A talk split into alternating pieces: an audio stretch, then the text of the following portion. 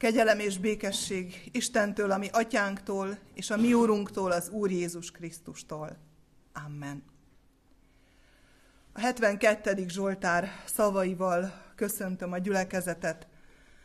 Add törvényedet a királynak, és igazságodat a király fiának, hogy igazságosan ítélje népedet, és törvényesen a nyomorultakat.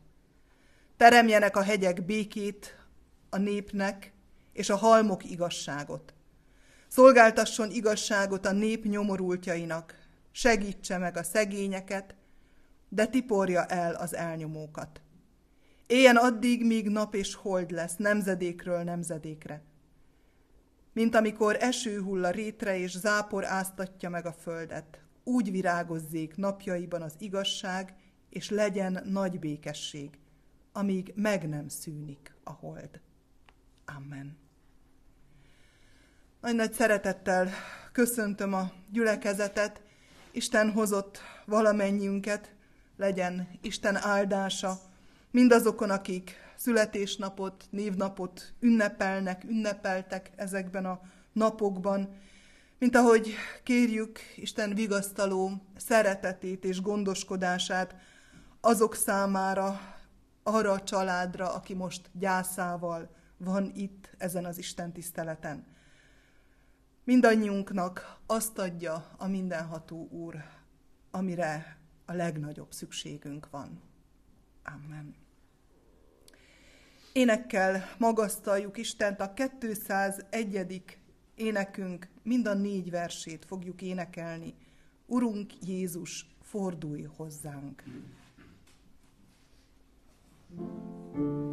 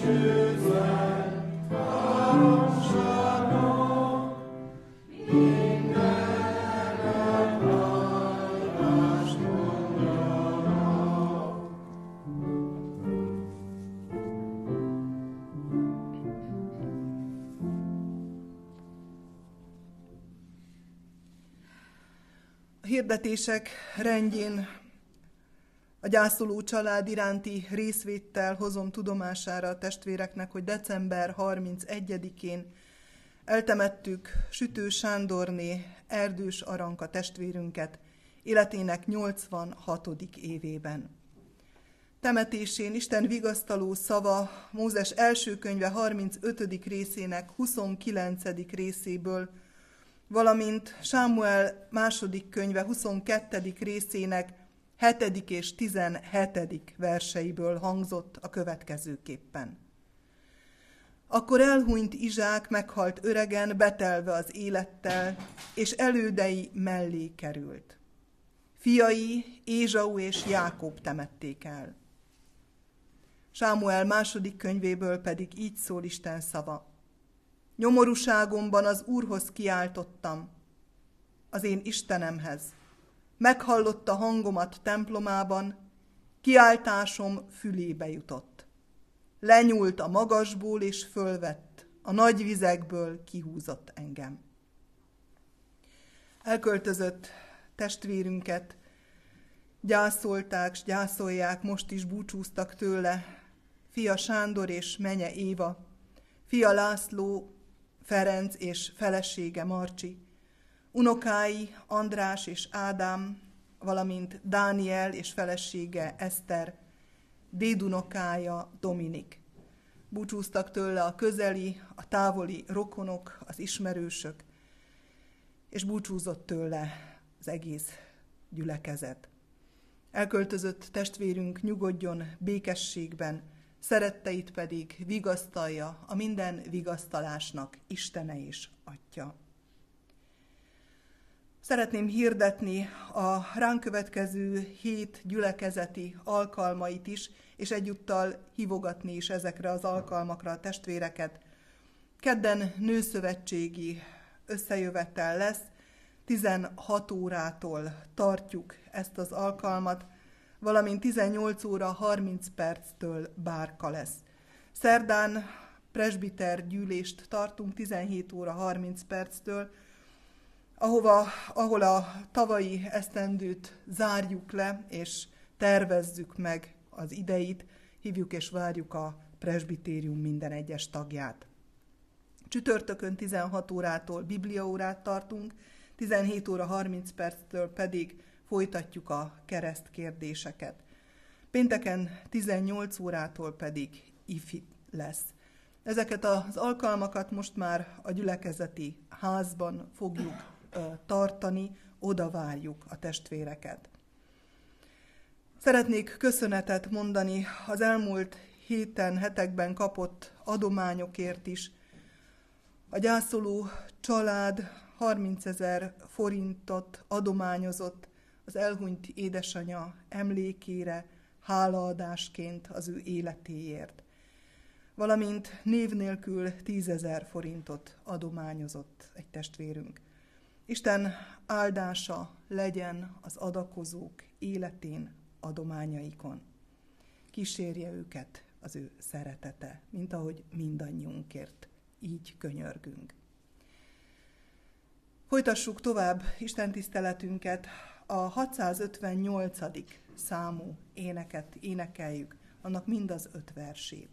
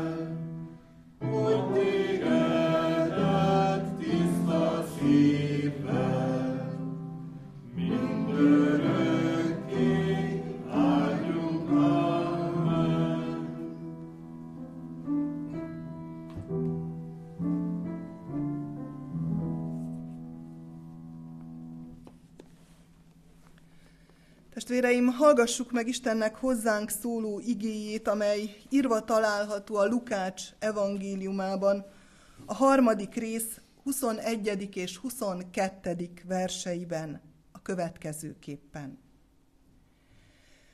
Történt, hogy amikor az egész nép megkeresztelkedése után Jézus is megkeresztelkedett és imádkozott, megnyílt az ég, leszállt rá a Szentlélek galambhoz hasonló testi alakban, és hang hallatszott a mennyből. Te vagy az én szeretett fiam, benned gyönyörködöm. Istennek beszéde lakozzék közöttünk gazdagon, hogy mi sok és áldott gyümölcsöt teremjünk az ő dicsőségére. Értek ezért imádkozzunk.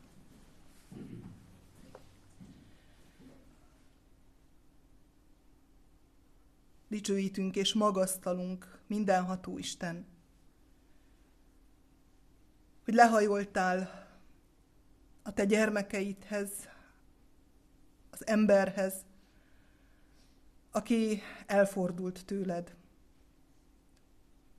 aki nem akart rólad tudomást venni, vagy aki bár keresett, de rossz utakon, rosszul.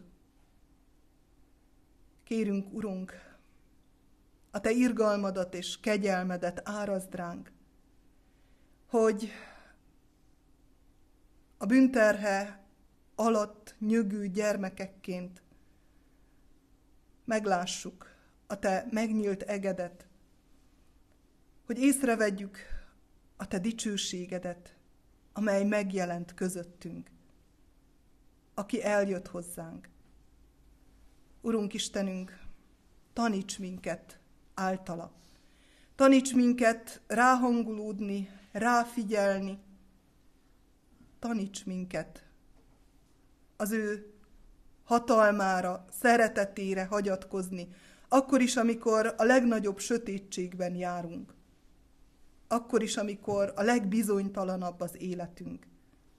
Akkor is, amikor fájdalmaink vannak, amikor szomorúak vagyunk, amikor szenvedünk mert nincs nagyobb bizonyosság, nincs nagyobb erő, nincs nagyobb fényesség, mint Te magad, Urunk. Légy közöttünk, és vezess minket. Amen. Készüljünk az ige hallgatására a 447. számú énekünk éneklésével.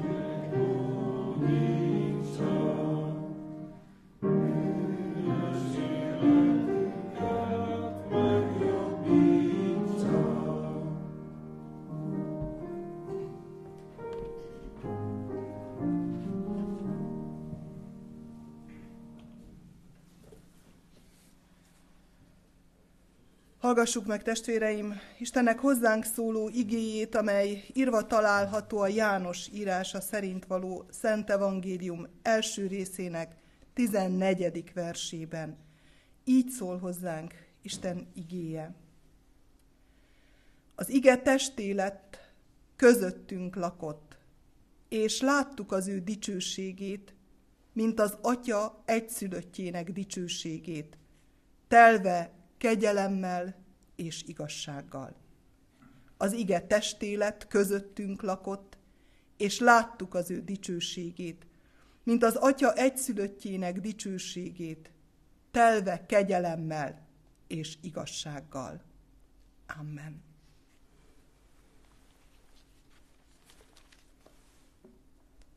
Szeretett testvérek, január 8-a van, és a keresztény világ január 6-án ünnepli vízkereszt ünnepét, ez van mögöttünk néhány nappal.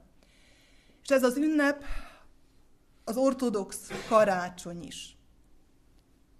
A karácsonyi ünnepkör része. És számunkra is Isten dicsőségének a megjelenését jelenti itt a Földön. Úgy hívják ezt idegen szóval, hogy epifánia.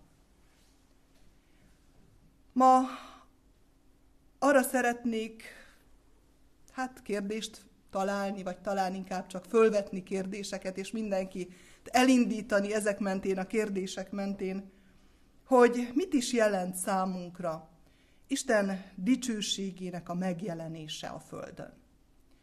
Ha ebből a mostani 2023-as vízkereszt ünnepéből indulunk ki,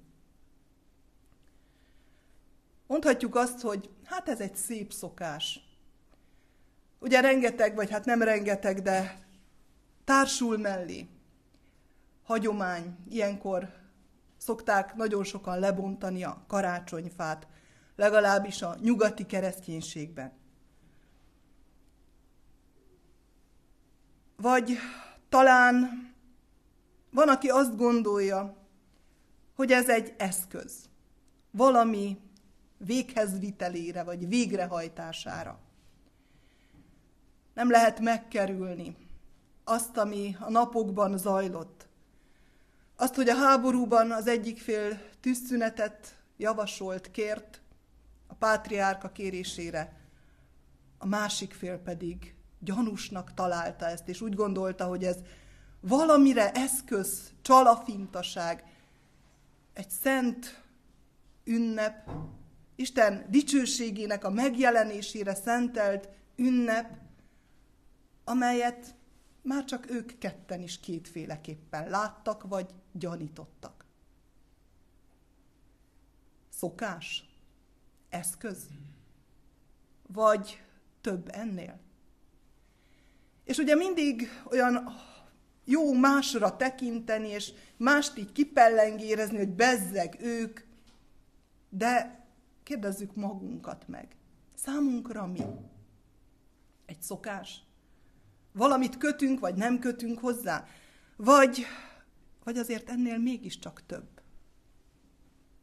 Én úgy hiszem, hogy mindazok, akik, akik keressük Isten útmutatását ebben az életben, akik úgy gondoljuk, hogy Istennek a terve az elindul valahonnan és valahová eljut, és ennek a tervnek mi is lehetünk részesei, akkor, hogyha megértjük, megismerjük az ő tervét, ha hajlandóak vagyunk belesimulni az ő tervébe, úgy gondolom, hogy akkor értjük, hogy ez több.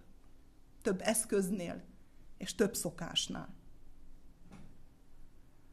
Most még erősebb talán ez. Mert ugye életek is múltak. Azon, hogy ki hogyan vélekedett Konkrétan erről, az ünnepről vagy alkalomról. De valóban életek múlnak rajta. És nem csak a földi életre nézve múlnak rajta életek, hanem az örökké valóságra nézve is. Létkérdés. Életmentő kérdés az, hogy mit gondolok az Isten dicsőségének a megjelenéséről, illetve hogy mennyire van ez jelen számomra. hogy szól-e számomra az örök életről, az örök békességről, az örök örömről. Isten dicsőségének a látása, az Isten dicsőségének a magunkhoz közel engedése, ennek az ünnepnek a legfőbb tartalma. Az, hogy Isten lényegét meglássuk, hogy megérkezzen hozzánk emberi módon.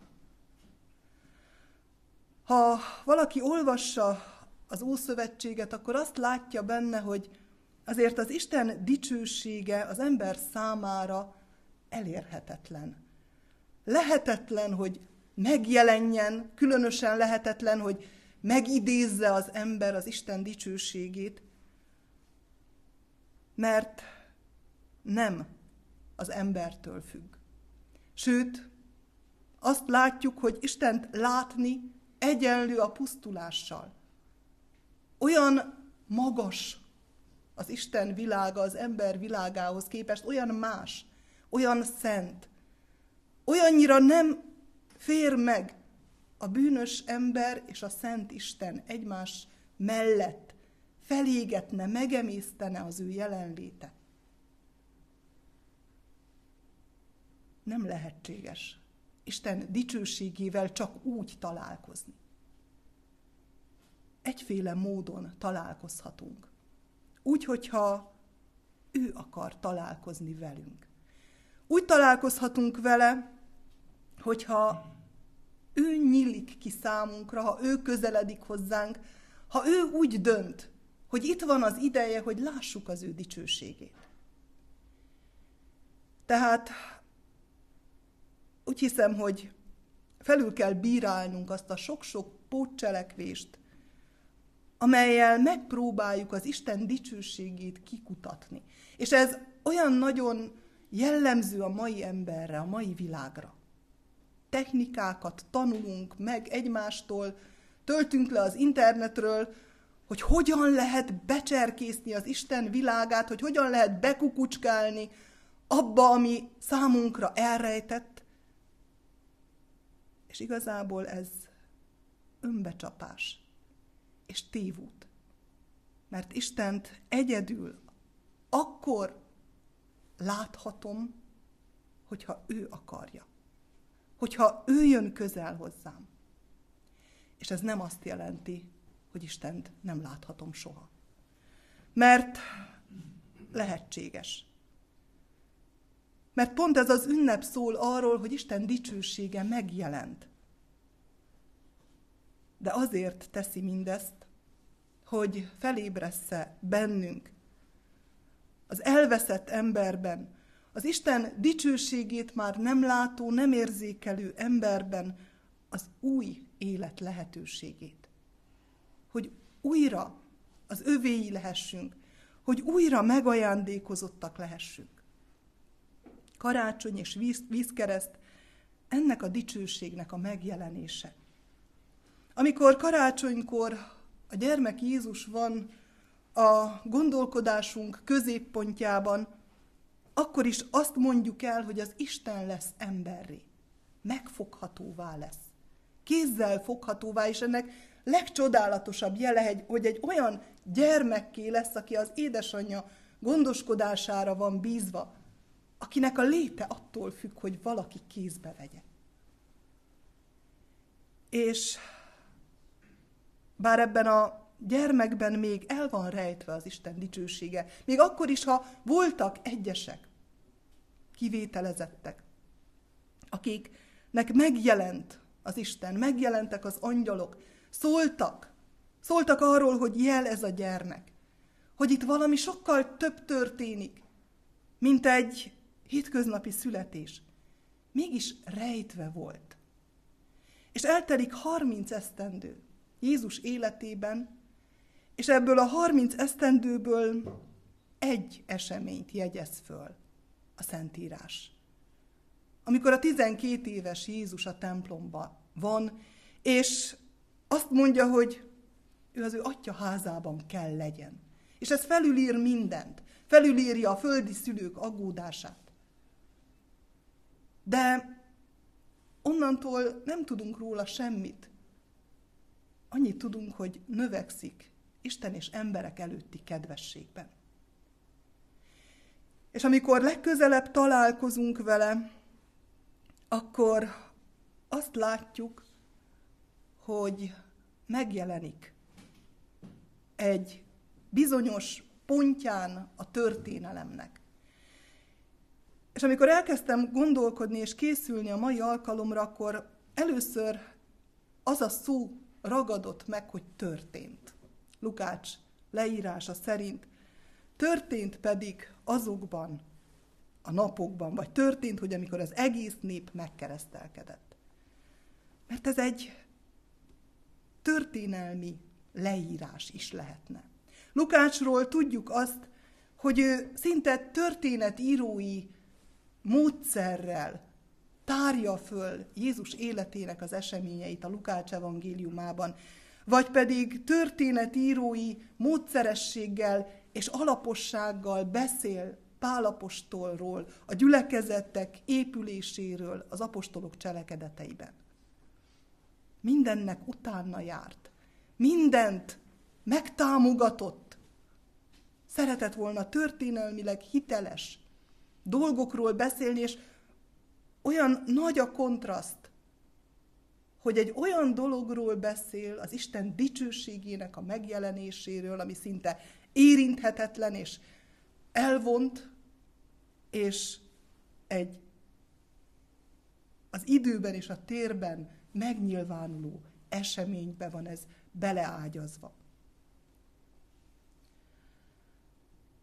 János felolvasott igében azt írja, hogy az ige testé lett. Az ige, ami tulajdonképpen Isten lényegét sűríti be. Isten lényege az, hogy élő és ható szóként formál. Azt mondja a teremtés kezdetén, hogy legyen és lett. Beszélhetünk ősrobbanásról. Számomra az ősrobbanást ez a legyen indította el. Az ő akarata, az ő szava, az ő energiája. És ez az ige, ez az isteni lényeg testé lesz. És egy olyan szót használ a Szentíró, ami hústestet jelent. Nem egy szellemtestet, hanem egy megfogható, teljesen kézzel fogható hús és vértestet. Isten emberré lesz, a dicsősége láthatóvá lesz, sőt, megérinthetővé, megfoghatóvá. És azzal folytatja, hogy ez a, az ige aki emberi, aki testé lesz, ez elkezd az emberekkel együtt lakni. Lakozott közöttünk. Sátrat vert, hogyha az eredeti szó finomságait keressük. És amikor azt mondjuk, hogy ez a test, vagy ez a testélet isteni lényeg az emberrel együtt sátorozik, akkor azért a zsidó ember számára bekúszik a pusztai vándorlás képe, ahol elindulnak a sötétségből, a rabszolgaságból, mennek, fogalmuk nincs milyen hosszú ideig, de egy dolog biztos ezen a vándorláson, hogy az Isten ott van velük. Hogy előttük jár és mögöttük van. Hogy felhőoszlopban és lángoszlopban jár velük, hogy velük sátorozik, sátrat vernek és sátrat bontanak, és úgy haladnak az úton 40 éven keresztül. És ezen az időn keresztül végig ott van az Isten. És vannak mélységek, és a mélységben is ott van. És vannak csodálatos jelenések és jelenségek, és találkozások, Isten dicsőségének megsejtése, vagy Mózes számára meglátása, az Istent hátulról, dicsőségét hátulról láthatja, ennyit enged az Úr. De egy biztos, hogy velük jár, velük van az Isten. Láttuk ezt a dicsőséget, mondja János apostol. És ebben a szóban is ott van, hogy, hogy bámultuk, hogy néztük, hogy valami konkrétan ott volt előttünk, és lehetett szemlélni, kitettük és néztük. Valóságosan jelen volt közöttünk. A megközelíthetetlen, a távoli, az eddig elérhetetlen, a rejtőzködő Isten most valóságossá vált az emberi dimenzió számára, érzékelhetővé lett. Olyan csodálatos és hátborzongató ez a tény. És hogy miért történt mindez? Nagyon komoly oka volt az Istennek arra, hogy ott, akkor a dicsőségét megmutassa az embernek. Azt mondja János, hogy telve volt ez a dicsőség kegyelemmel és igazsággal. Amikor kimondjuk, hogy kegyelem, és kimondjuk, hogy igazság, akkor megint két olyan egymástól távoli dologról beszélünk, ami szinte az mi embervilágunkban nem fér meg egymással. Tudjuk magunkról, hogy amikor igazságosak vagyunk, akkor azért kemények vagyunk. Ha a bíró igazságos, akkor ott hoz egy döntést, hoz egy ítéletet, ami biztos, hogy van, akinek fáj. Hogyha kegyelmesek vagyunk, akkor viszont lehet, hogy az igazság csorbát szenved. Mert emberi módon nem tudunk úgy kegyelmesek lenni, nem tudunk úgy elengedni, hogy ne borítsunk fátylat az igazság teljességére. Isten pedig egészen újszerű módon kegyelmes és igazságos. És ez a kegyelem és igazság az ő dicsőségével jelenik meg a Földön. Van egy történet, már néhányszor hivatkoztam rá, egy hadvezérről vagy királyról, akiről az a hír járta, hogy nagyon-nagyon igazságos volt. Nem lehetett hibát találni a döntéseiben. És volt egy fia, akit pedig nagyon-nagyon szeretett. És a fia hibát követett el. Egy olyan hibát, amelyért halál járt. Mikor kiderült, hogy ki követte el azt a bizonyos bűnt, akkor a király körüli emberek figyelték, hogy most mi lesz. Most hová lesz az igazságos döntés, vagy hová lesz a szeretet. Mert hát egyszerre nem lehet mind a kettő. És szinte dörzsölgették a kezüket, hogy na most majd akkor meglátjuk. És a király, mikor tudomására jutott mindez, akkor összehívta az embereket, és elmondta, hogy megvan a tettes, kihirdetem az ítéletet, az ítélet halál. De az ítéletet rajtam fogják végrehajtani.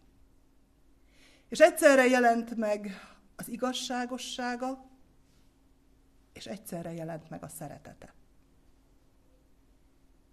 És nem kell nagy fantázia, hogy érezzük, lássuk, hogy ez a mi királyunkról, Istenünkről szól. Aki előtt ott vagyunk, bűnökkel, olyan bűnökkel, amelyekért halál jár.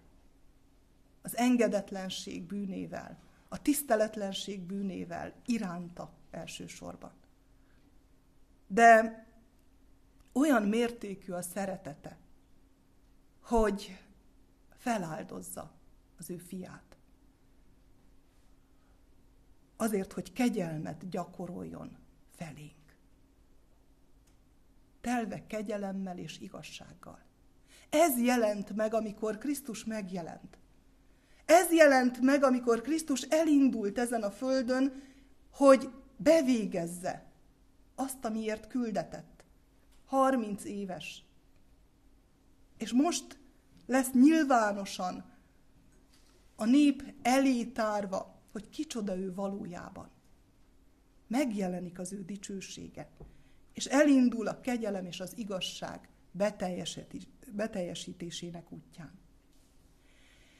És nagyon fontos állomása ennek az a megkeresztelkedés, amit felolvastam.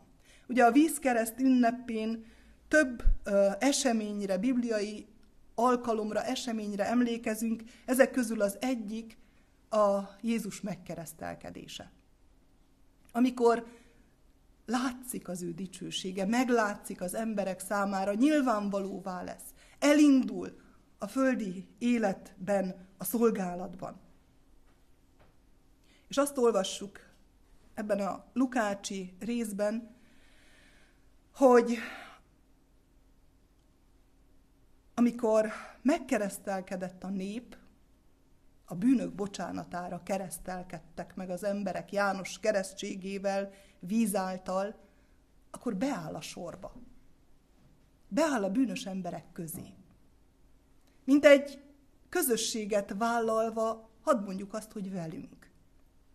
Velünk, akiknek meg kell mosatnunk a bűneink miatt. Ő, aki Isten fia, aki mindenben hasonló lett hozzánk, kivéve a bűnt, akiben bár az emberek akkor még nem tudják, de ott van az Isten dicsősége, beáll a bűnös emberek közé, és kéri, engedi, hogy megmosasson. Hatalmas tett ez. Mert ennek a folytatása ott lesz a kereszten. Amikor nem csak beáll, hogy megkeresztelkedjen, hanem kielégíti Isten igazságos haragját a maga halálával. Egyrészt tehát közösséget vállal az emberekkel, a bűnös emberrel, hiszen ezért jött, ezért lett emberré, olyanná, mint mi. Másrészt viszont azt olvassuk, hogy imádkozik. Nem csak a bűnös emberrel van közösségben, hanem Istennel is. Mert aki imádkozik, az Istennel lép közösségbe. Az Istennel kommunikál. És legyünk bármilyen állapotban, legyünk jól vagy rosszul ebben az életben, ameddig imádkozunk, addig az Istennel kapcsolatban vagyunk. És Isten elbírja, még azt is, ha kérdezünk. Isten még azt is elbírja, hogyha panaszkodunk. Csak ne hagyjuk abba. Csak folyamatosan tartsuk vele a kapcsolatot. Jézus ott a Jordán vízében közösséget vállal az emberrel, és közösségben van Istennel, és mintha a bűnös embert összekötni a menny urával, az igazságos Istennel. Ugyanúgy, ahogy majd összeköti a keresztel is. Itt indult el a küldetése az emberek számára látható módon. Isten megmutatja Jézusban az ő dicsőségét, és Jézusra mutat, mint az ő dicsőségének a megnyilatkozására. És nagyon fontos, hogy látható és hallható módon történik ez. Ugye azt mondtam, hogy történet, történik, a történelem része. A fizikai valóság részévé lesz az Isten dicsőségének a megjelenése. És láthatóan galomb testi formájában jelenik meg az Isten lelke, és egy hang hallatszik. Te vagy az én szeretett fiam, benned gyönyörködöm.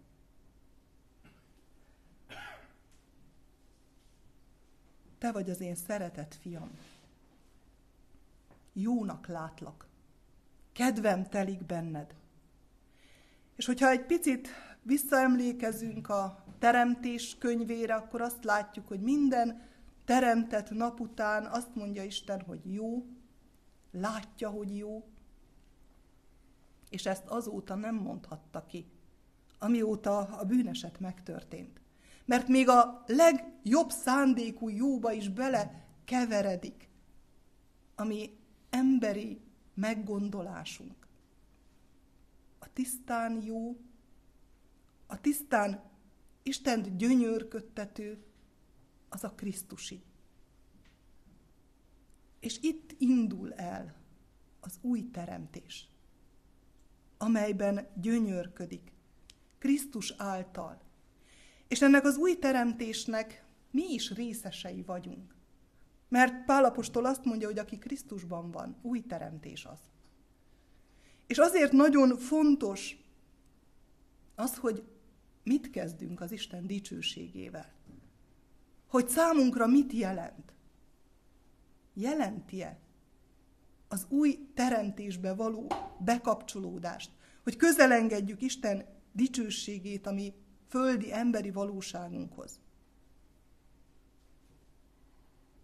Nem csak szokás, nem csak eszköz, nem csak olyan dolog, amit békeidőben előhúzunk, háborúban félretolunk, hanem élet és életnek forrása. A valóságos békességnek a forrása. Isten kegyelme és igazsága által. Megjelent közöttünk. Az Atya felfedte magát benne, nekünk és értünk. Vajon látom-e az ő dicsőségét a magam életében?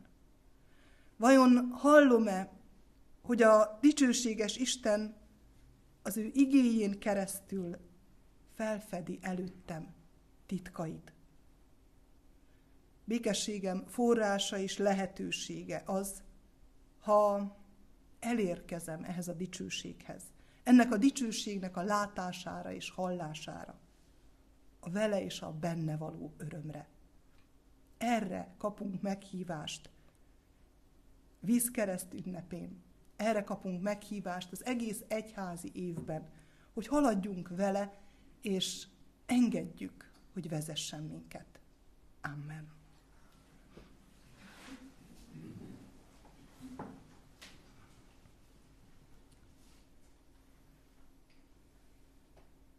Minden kegyelemnek atya. Igazságos Isten.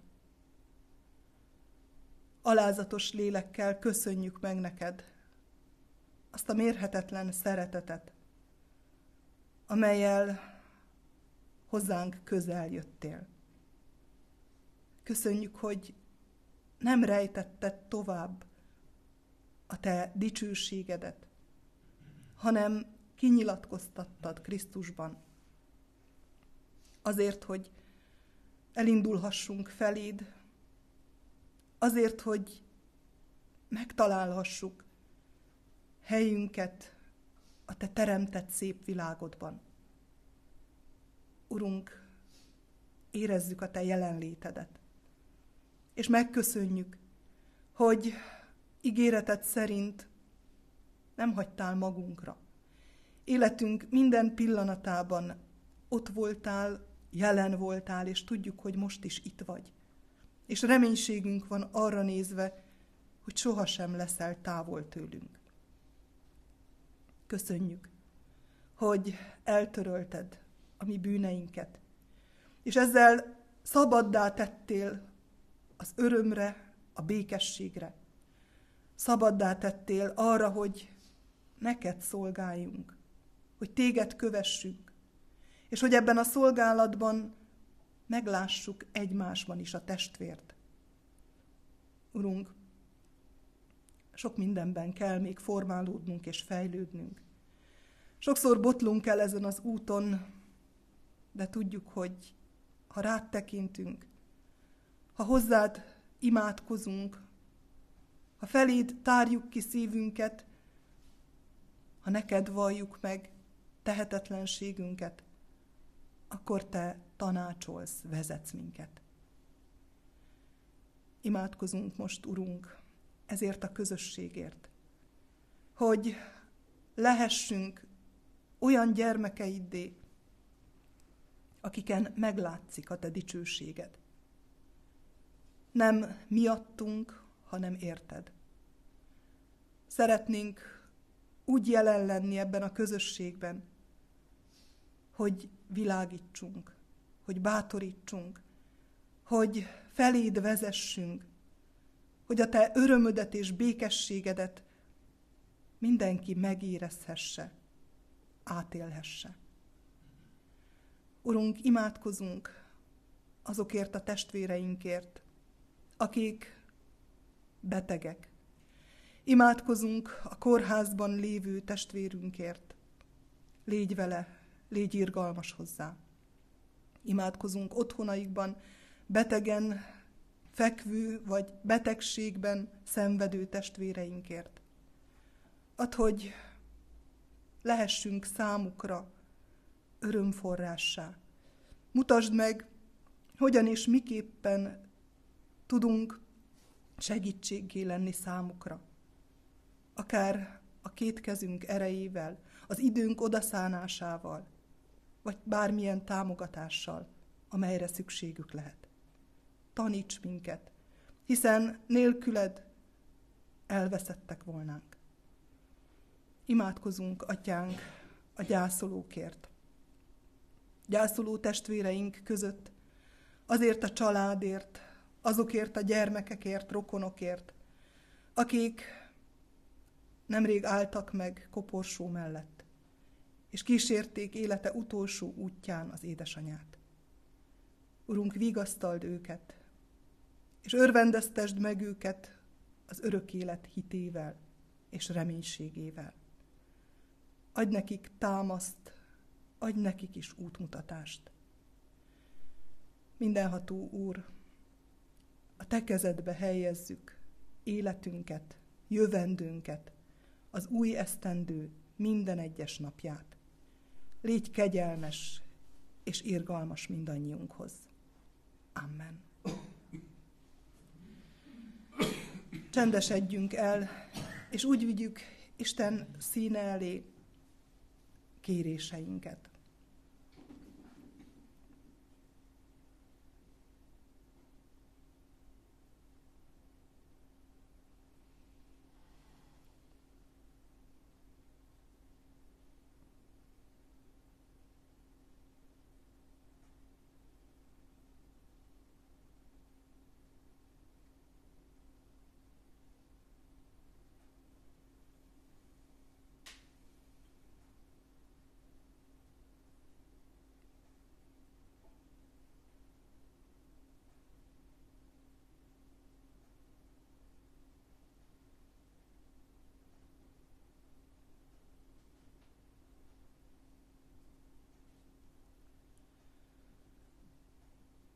Áldott az Isten, aki meghallgatja a mi csendes fohászainkat is, és aki így tanított minket imádkozni az ő fia által.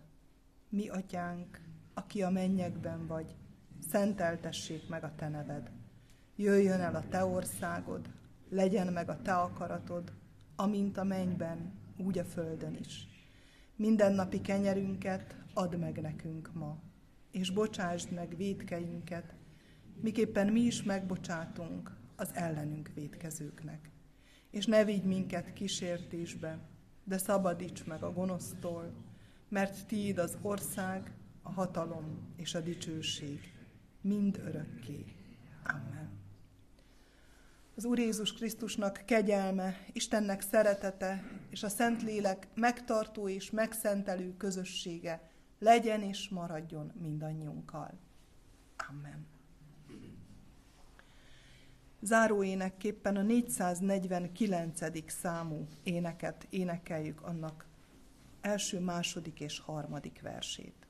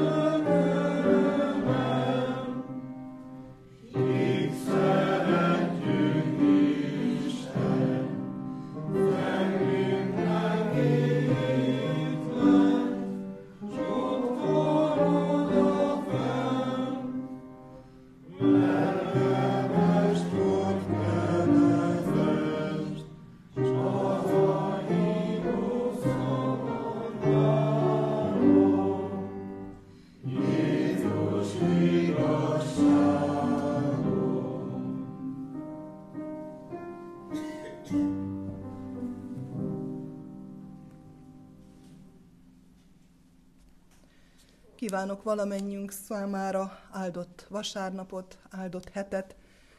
Hallgattassanak meg könyörgéseink, és legyünk folyamatosan kapcsolatban a mi Urunkkal és egymással is. Köszöntsük egymást a békejelével, és úgy búcsúzzunk. Áldás békesség! Thank you.